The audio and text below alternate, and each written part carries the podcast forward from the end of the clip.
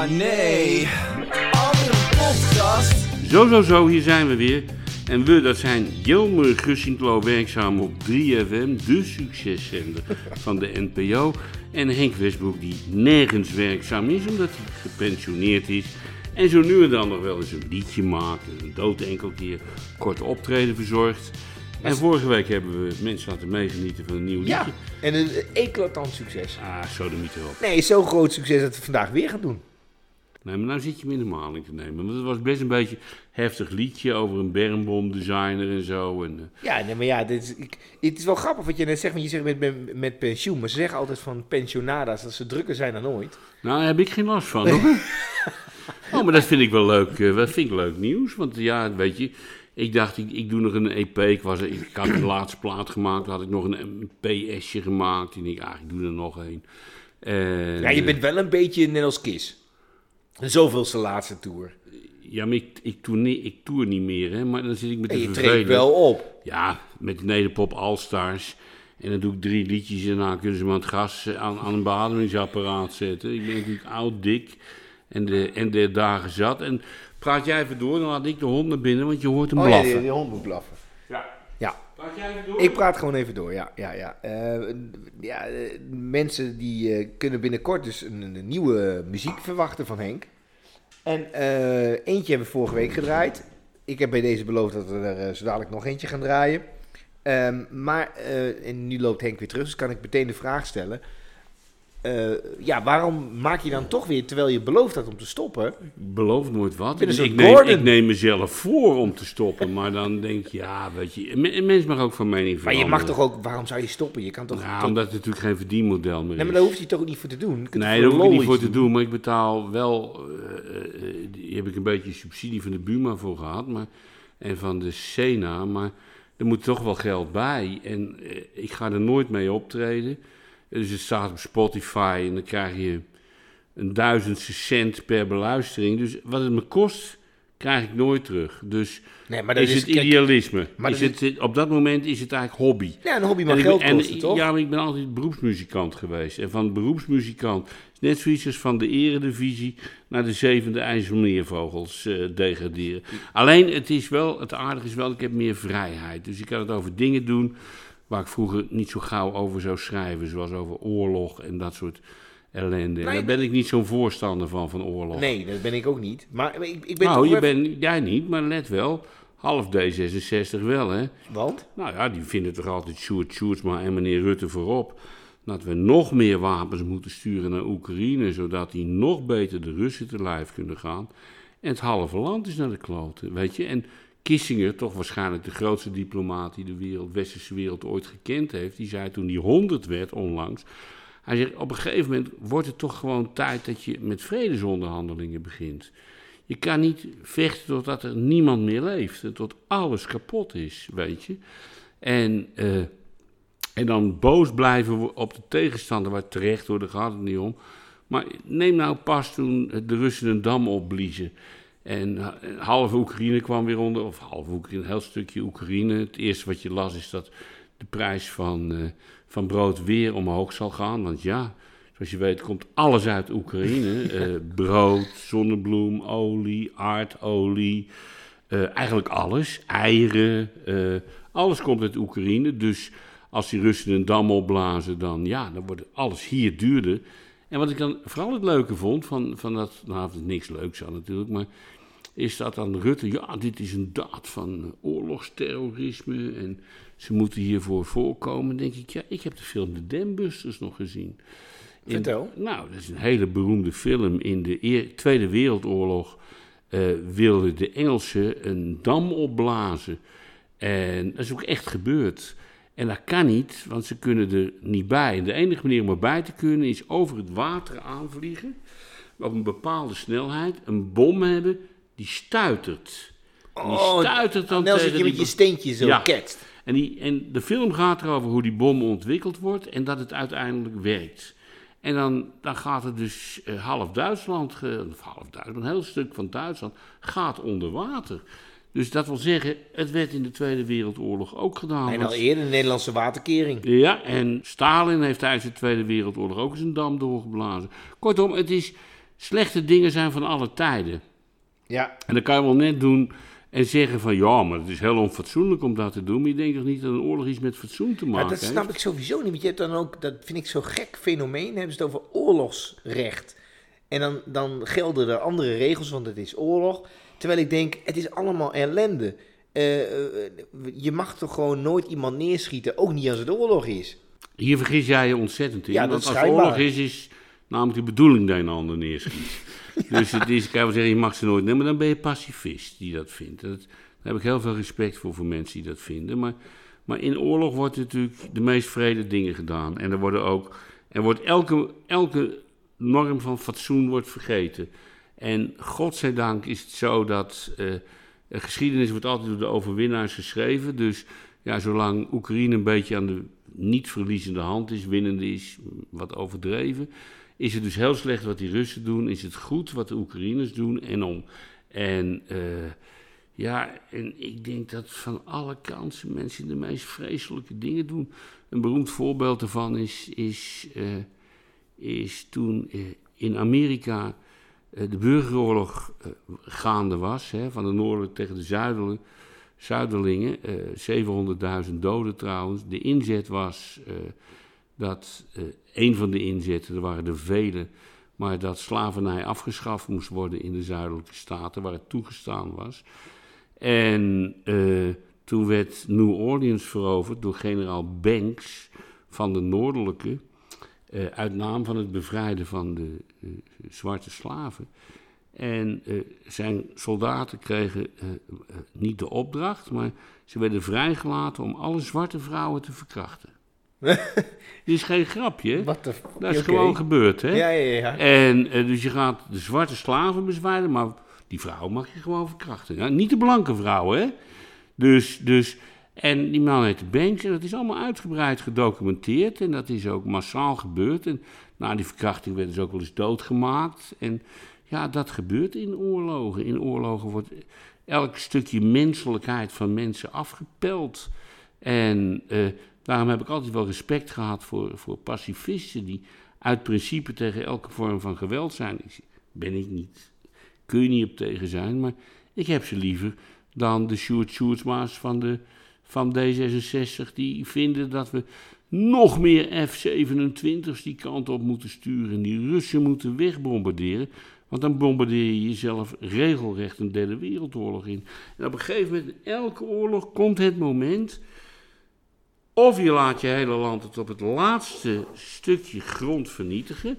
Dan krijg je wat er in Duitsland gebeurde. hè. Ja, verbrande, Dat, eh, verbrande dat, aarde. dat, dat, dat, dat, ja, er van Berlijn helemaal niets meer over was. En alle- behalve de bunker van Hitler die toen maar zelfmoord gepleegd heeft. Of je houdt een keer op en je zegt, joh, we gaan nu vredesonderhandelingen beginnen. En ik vond dat Kissinger zo gelijk had toen hij zei, dat moeten we onderhand eens een keer gaan doen. En met dit hele mooie zware stem van hem.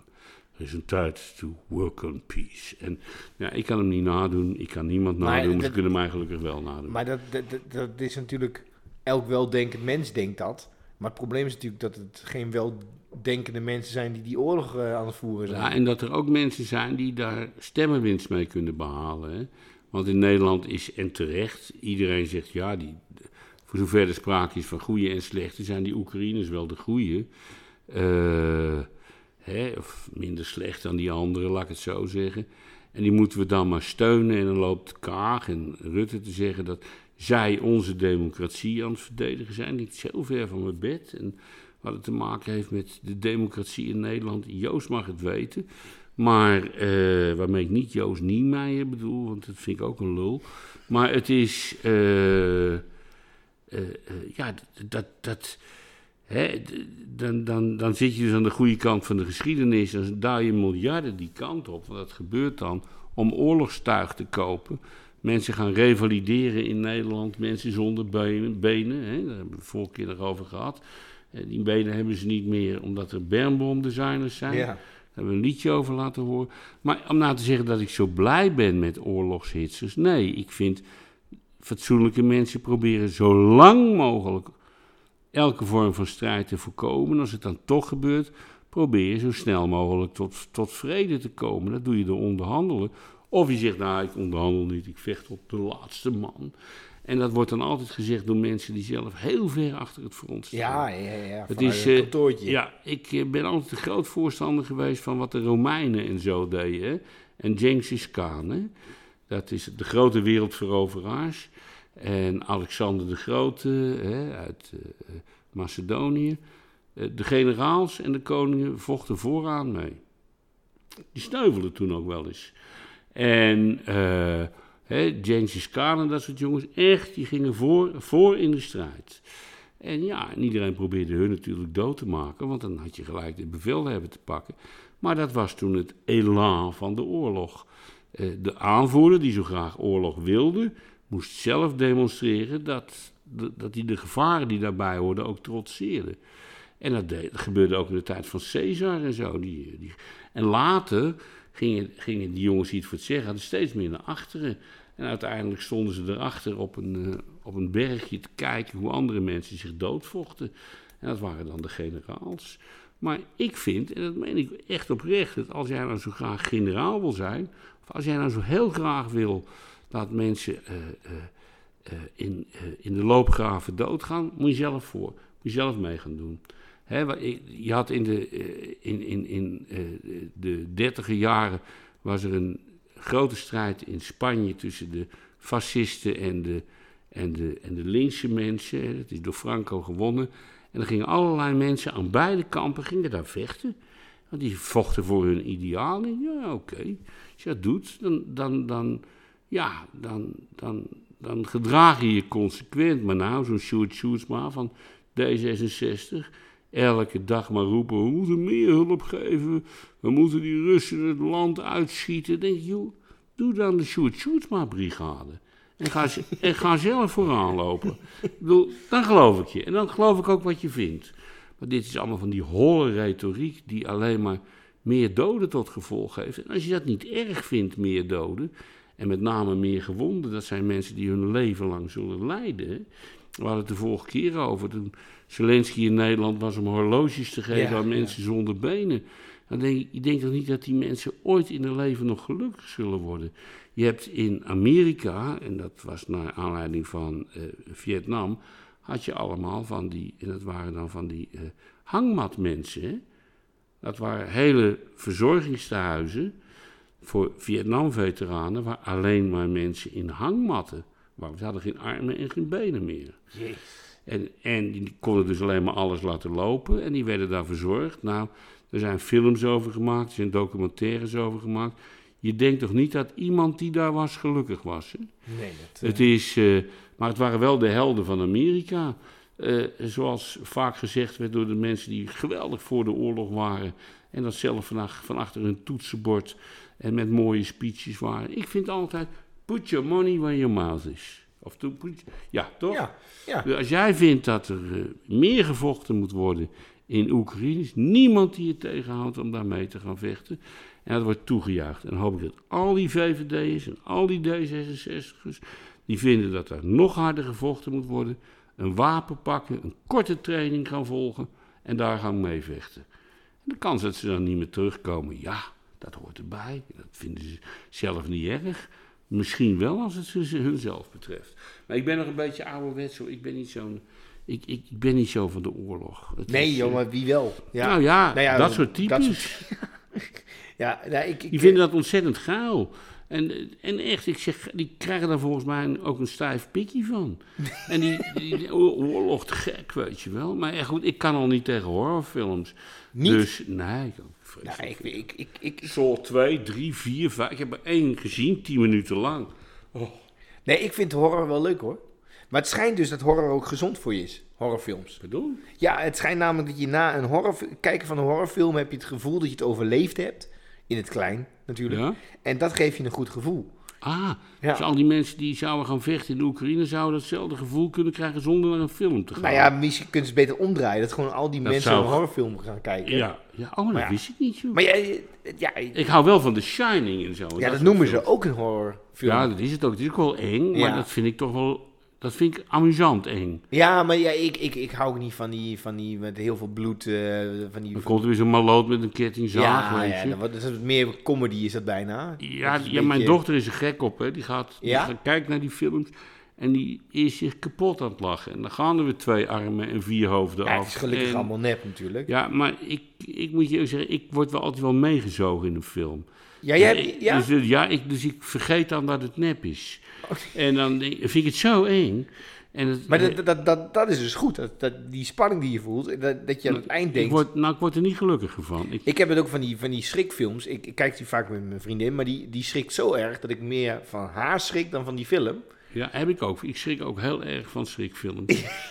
Van die horrorfilms. Ja, oh, je ja, weet, nu ga ik schrikken, dan komt die niet, maar dan twee tellen later wel. Ja, Ja, ik vind het toch maar wel... dat ja. weet jij. Maar het is omdat jij er afstand van kan nemen. En mij lukt dat niet. Nou ik ja, zit- ja, ik ik moet je- word dus helemaal meegezogen in zo'n film.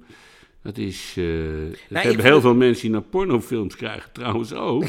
maar, eh, eh, maar in zo'n horrorfilm word ik echt meegezogen. En- En, dan vind ik het heel onaangenaam. En dat bovennatuurlijke, vind je dat dan ook... oh, dat vind ik wel leuk. Ja? Ja, het is natuurlijk allemaal onzin. Ja, maar ja, ik vind het dan wel. Dat kan ik wel een beetje om. eh, ja. Ja, ik vind het ook En dan leuk. komt daar ineens. Ik heb er een gekke, gekke tweestrijd in. Ik ben dus zeg maar voor mijn gevoel heel nuchter. Want ik vind het allemaal onzin. Maar ik zou spoken en zo. Ik vind, ik vind die verhalen vind ik altijd. Ja, prachtig. Ja. Prachtig. Loflezen zo. Dat ja. Ik heb een vrouw die, eh, die ziet niks liever dan spookfilms. En, eh, en ja, ze zijn natuurlijk ook vaak prachtig. Hoe heet dat beroemde eh, Charles Dickens verhaal?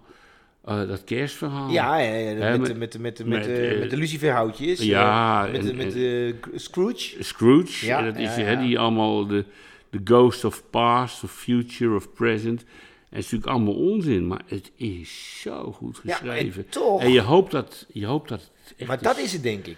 Want ik heb wel eens van die, van die, van die dingetjes dat je denkt van ja, dit is. Dit, dit is een. Dit is, eh, eh, ik heb wel eens een keer gehad, bijvoorbeeld een voorbeeld. En ik weet gewoon natuurlijk, wat je al zegt, is onzin. Maar ik heb een keer gehad dat ik ehm, met een klasgenootje, dus zo lang is het al geleden, eh, fietste ik eh, naar huis toe. Hm? En ik hoorde in één keer een graafmachine. En toen zei ik tegen, en daarom vertel ik het op deze manier, omdat ik dus bewijs heb dat het gebeurd is. eh, die, eh, ik zeg tegen het vriendje, ik heb dit als gedroomd. Maar toen werd ik overreden door een graafmachine. En op dat moment, de, zeg maar dat moment had ik gedroomd, kwam er dus van de andere kant een graafmachine.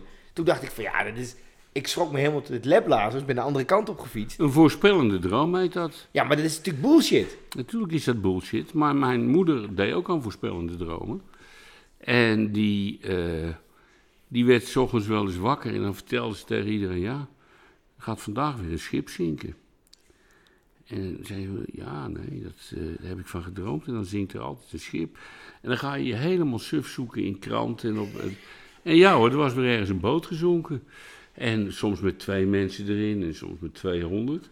Maar het was altijd raak. En, eh, want zij had blijkbaar die dromen altijd als het stormde. En zij geloofde heilig dat zij dat kon voorspellen. En, eh, en als een enkele keer dat we dan eh, geen bewijs vonden in de krant of in de media, was dat het, eh, het bewijs dat, eh, dat ze gelijk had. Want juist omdat je ze niet kon vinden, was dus, waren ze in de Berma-driehoek eh, ten onder gegaan. Er is er niets overgebleven, kun je ook niks terugvinden. Ja, zo krijg je hier gelijk altijd. Ja, dat is hè? natuurlijk al waar, ja. ja En het ja. is... Maar je wil het natuurlijk ook gewoon graag geloven. Want het is Natuurlijk. natuurlijk- ja. En bij ons geloofde, thuis geloofde, behalve ik, echt iedereen dat mijn moeder dat kon. En verder had ze geen, geen voorspellende gaven. En, en, Maar heb jij nooit iets paranormaals meegemaakt? Of iets wat je niet kan verklaren? Nou, misschien wel, misschien maar zo gauw niet te binnen. Het is, eh, ja, natuurlijk heb ik wel eens rare dingen meegemaakt. Met, met, met, met een pretsigaret op en zo. dan, zie je echt, dan zie je echt allemaal dingen die, eh, waarvan je denkt, "O, Jezus, eh, Jezus nog aan toe, weet je. Maar Ik heb ook wel eens het idee, nu je Jezus zegt, dat in die tijd dat het ook de verklaring is van alles wat er toen gebeurd is. Dat gewoon Jezus en, en al zijn discipelen gewoon redelijk aan de shit zaten. het zou best kunnen, het is daar van oudsher gewoonte om Daarom. Dat soort middelen Ja. te gebruiken. Ja, Ja. Het, zou, het zou best kunnen. Maar we waren er niet bij, je kunt het niet bewijzen. En we kunnen nog niet tijdreizen. Maar hebt nog, Nog niet, hè? Nee, nee, nee. Maar jij hebt niet, jij hebt niet iets... eh, Nee, we kunnen nooit tijdreizen, want anders was er nou wel iemand uit die tijd hier geweest. Ja, dat, vind, dat vond ik altijd zo. zo eh, dat is het beroemde grapje. hè. De lezing over tijdreizen vindt vorige week donderdag om 4 uur plaats. en, eh, ja, dat- en, en dat zeggen ze natuurlijk allemaal. Hè. Ja, tijdreizen is denk ik. eh, ik ben natuurlijk geen. eh, Maar je bent wel een, groot geen- fan van Doctor Who. ja, en ik ben een groot fan van. dat- En die kan wel tijdreizen. Ja, en Back to the Future. vind ik ook te gek. Maar weet je, er is ook een, een heel beroemd één pagina verhaal van meneer heet Brown. Dat is een, een, schrijver van eh, science fiction. Het verhaaltje is maar één pagina, is geweldig. Over, eh, het gaat als volgt. Ik kan het een paar regels navertellen. Eh, iemand vindt het tijdreizen uit. En hij zat op het punt om een jaar terug te gaan, om een bank te beroven. En dan weer terug te gaan naar deze tijd, zodat nooit iemand zal weten dat hij die bank beroofd heeft. En net op het moment dat hij bezig is die bank te beroven, komen er twee mensen naast hem staan eh, om hem te executeren. Want 2000 jaar later is, de, is het tijdreizen uitgevonden en eh, voor criminele doeleinden verboden. en het klopt. Ja, die wisten En al het dat het ging gebeuren. Ja, ja, ja. Dus, en eh, en als je, als, je, als je over zo'n verhaaltje nadenkt, ja, hoe kan je het nou 2000 jaar later uitgevonden hebben, dan 2000 jaar teruggaan naar iemand die je tijdreist? Ja, dat klopt wel binnen dat, Ja. binnen dat, dat rare concept. Maar eh, even, eh, even een, een stukje tijdreizen in deze podcast. Eh, het is natuurlijk eigenlijk ook een vorm van tijdreizen wat we nu doen. Eigenlijk wel, ja. Ja, Ja, want je, je luistert nu terug in de tijd ja, ja. op dit moment. Zeg je, je bent soms zo diepzinnig, hè? Als je dat soort dingen nou vaker op 3FM zou zeggen bij dat programma wat je doet, zou het best eens kunnen zijn als jullie er drie luisteraars bij hebben. Nou, nee, dat vinden mensen Hoewel, het is weer, het is weer eh, 1,5 tiende procent Het gestegen. gaat, het gaat. Het is nu van 1,7 naar 1,7,2 of Ja, 3. Het het is, is- het toch is- 12, 13 luisteraars erbij. Ja, ja, maar ik mag, ma- mag ik daar toch even over klagen? Over dat, ehm, over dat hele. die luistercijfers. Ja, maar bedoel- je doet dat wel vanuit een zeker belang. hè? Ik doe dat vanuit het punt dat, het- dat het niet zo goed gaat als dat we zouden willen. Ja. Maar ik moet je ook zeggen, het klopt van geen kant. ja, het heeft nooit geklopt. Het heeft nooit geklopt, maar het wordt natuurlijk. Dat hele, on- het hele luisteronderzoek wordt betaald door eh, commerciële partijen. Om te laten zien van, joh, luister, eh, zoveel mensen luisteren naar ons, dus daarom moeten wij zoveel advertenties verkopen. Ja. En dus is het al een soort vleeskeuring van een slager die zijn eigen vlees. En hoe minder mensen er luisteren, hoe meer advertenties erop moeten. Ja, Want anders komt het niet uit. En dat is nou precies wat die advertentieverkopers willen. Ja, natuurlijk is het allemaal onzin. ja, het is allemaal onzin. Maar dat terzijde. Dus eh, eh, wat, wat hebben ze nu bedacht? Vroeger moest je met luistercijfers een boekje invullen. Ja? Dat is echt waar. Je kreeg een boekje en dan moest je een kruisje zetten bij ik heb zo vaak geluisterd naar dit. Maar er zijn dus mensen die ook bijvoorbeeld deze podcast horen en die denken, wacht eens even, ik heb van de week volgens mij Henk Westbroek gehoord. Zat hij niet op 3FM? En die kruisen 3FM aan. Ja, ja, ja. Dat ja. gebeurde destijds. ja, ik weet Dat het. Het gebeurde. is allemaal volstrekte onzin, die Ja, boekjes. ja nou ja. maar dat gebeurde wel heel veel boekjes. Dus dan zeggen ze altijd, hè, als het heel veel mensen zijn, is het redelijk representatief. Tegenwoordig doen ze het dus met, een mobiel, met je mobiel. En die luisteren dus wat je aan het luisteren bent.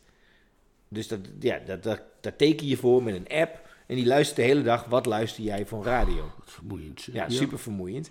En eh, wat je dan krijgt is dat heel veel mensen natuurlijk helemaal niet eh, zoveel hebben geluisterd. Maar gewoon denken, oh ik heb volgens mij wel geluisterd, ik vul een half uur in. Maar in de praktijk was het maar vijf minuutjes. Ja, ja, ja. Ja, ja. dus dat is al een stuk minder. Maar wat je ook krijgt, en dat is wat je nu het bewijs dat er helemaal geen zak van klopt is, dat eh, Grand Prix Radio, dat is van, ken je dat? Mm, Ik hoor voor het eerst van het bestaan. Ja, Grand Prix Radio is eh, van Olaf Mol. En die maakt dan. Dat kun je dan via online kun je dat beluisteren. Het gaat allemaal heel ingewikkeld. Ehm, maar volgens de laatste luister, volgens de luistercijfers was er pas een week dat er 3 miljoen keer naar beluisterd. Nederlanders. 3 miljoen Nederlanders. Dus 1 op de 6 Nederlanders. Luisteren naar Grand Prix Radio. Ja. Geloof jij het? Ik, was in ieder, ik was in ieder geval, ik hoorde bij die andere vijf. Ik hoor Nou, voor ik- het eerst van het bestaan. Maar ik, hoe, hoe eh, kan dat dan? Ja, ja, ik denk dus dat er een Meetfoutje? Nou ja, ik denk dat een paar mensen met zo'n mobiel dus toevallig wel geluisterd hebben. En dat dat... Kijk, het is namelijk met zo'n luistercijfer is het niet zo dat 1 op de 6 eh, naar Grand Prix Radio heeft geluisterd. Nee, één op de zes van de mensen die, Die- bereid is om zo'n app te downloaden Ja, en mee te doen met een onderzoek, En dat zijn allemaal toevallig liefhebbers van Grand Prix Radio. blijkbaar. Dus blijkt ineens dat er miljoenen mensen naar Grand Prix Radio luisteren. Dat betekent dat eh, eh, je per minuut meer kunt vragen voor de advertenties Ja. op Grand Prix Radio dan bijvoorbeeld op 3FM. Ja. En dat is, dat is onderzoek. Nou ja, onderzoek is, daar moet je heel voorzichtig mee zijn. Hè? Als nou naar Radio 1 luistert, dan hoor je de hele dag onderzoek. Nou, eh, onderzoek heeft bewezen dat heel Ja. veel mensen dus Ja. onderzoek, heeft, onderzoek bewijst niks. Want eh, van elk onderzoekje wat geciteerd wordt, kun je altijd vijf onderzoekjes ook vinden, die niet genoemd worden, die precies het tegenovergestelde of eh, beweren of iets anders beweren. Maar altijd wordt gebracht alsof het onderzoek waar ze toevallig aan refereren eh, eh, de laatste waarheid is. En Ja. dat is nooit waar. Nou ja, en hoe, er is ook nooit iemand die zegt: Oh, zijn er ook onderzoeken die het tegenovergestelde beweren? Zijn er ook onderzoeken die zeggen: Nou, wij hebben andere uitkomsten? Want alles is duizend keer onderzocht. Hè? ja, en hoe is het onderzocht? Ja, Want je kan, en, en hoe leg je het uit? Want je kan bijvoorbeeld, eh, als je het hebt over een, over een, bijvoorbeeld een lotto. Ja. Je kan zeggen, de kans dat je de lotto wint is eh 1 op een miljoen. Maar je kan ook zeggen 50%. Je wint hem wel of je wint hem niet. ja, zo heb ik het nog nooit bekeken. Je wint hem wel of je wint hem niet. Ja, de winstkans is 50%. Ja. En zo zie je maar, er zijn grote leugens, kleine leugens en statistieken. Maar op de radio, ik, lees de hele... Ik hoorde vorige week weer de hele week dat, het, eh, dat eh, eh, de vegetarische burgers en het kunstvlees niet aan te slepen zijn. En dat steeds, mensen steeds minder vlees eten. En ik denk, nou, het zou wel eens kunnen komen. Kunnen kloppen. En dan lees ik een ander onderzoek waarin staat dat het aantal kilo's verkochte vlees in Nederland, in de slachthuizen, niet achteruit gegaan is. Ik denk, het kan niet allebei tegelijk waar zijn. Dus het ligt, maar wat je, het ligt er maar aan wat je horen wil. Maar dat is altijd zo. hey, we hadden Over, over, over ligt eraan wat je horen wil gesproken. Ja? Ik krijg heel veel eh, complimenten over het liedje van vorige week. Oh, dat doen we er nog, hè? Heb je er nog een liedje?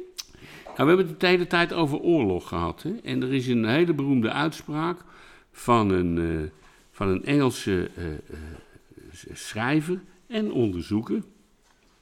Die zei: In de loopgraven roept iedereen om God of om zijn moeder. In de loopgraven zijn geen atheïsten.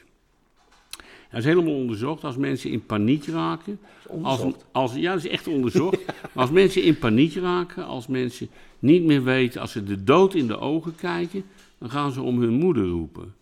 En dat gaan mensen ook doen als ze bij horrorervaringen.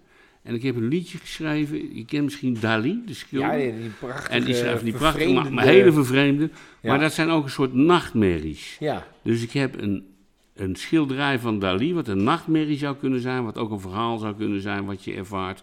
Terwijl net 10 meter van je af een bom ontploft is en je oren niet meer werken, heb ik eh, vertaald naar, heb ik gekoppeld aan de angst en de roep om je moeder. Het heet Dali-droom.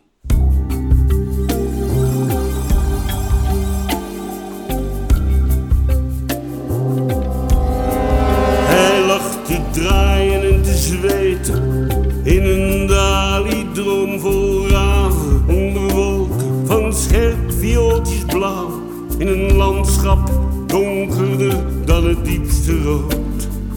Opgediend met Hij liep door velden met ruïnes en leeuwinnen. Op zoek naar iets waar hij geen besef van had ontwaakte met een afkeer voor alles wat leeft en sneed in gedachten de hals door van zijn kat.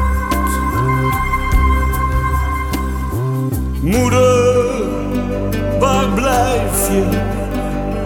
Moeder, hou mij.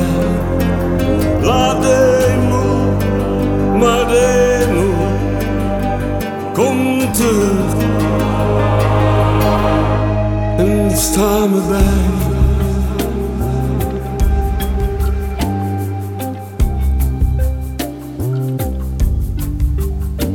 Hij stak geen sigaret op en liep achteruit naar voren om ergens te komen en vooral nergens te zijn.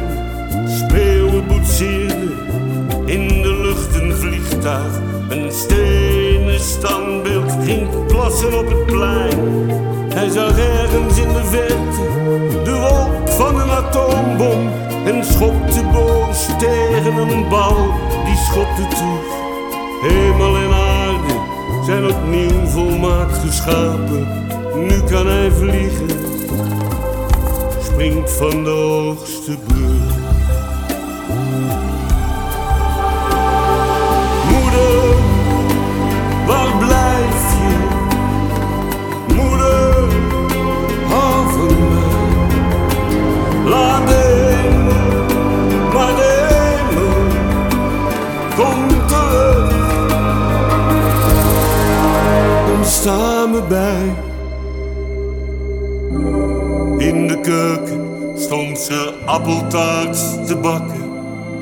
met amandelen, rozijn, citroenrasp en kaneel. Ze probeerde nog een leuning in het niets te pakken. Zonder een alarmbel bleek het leven al te veel.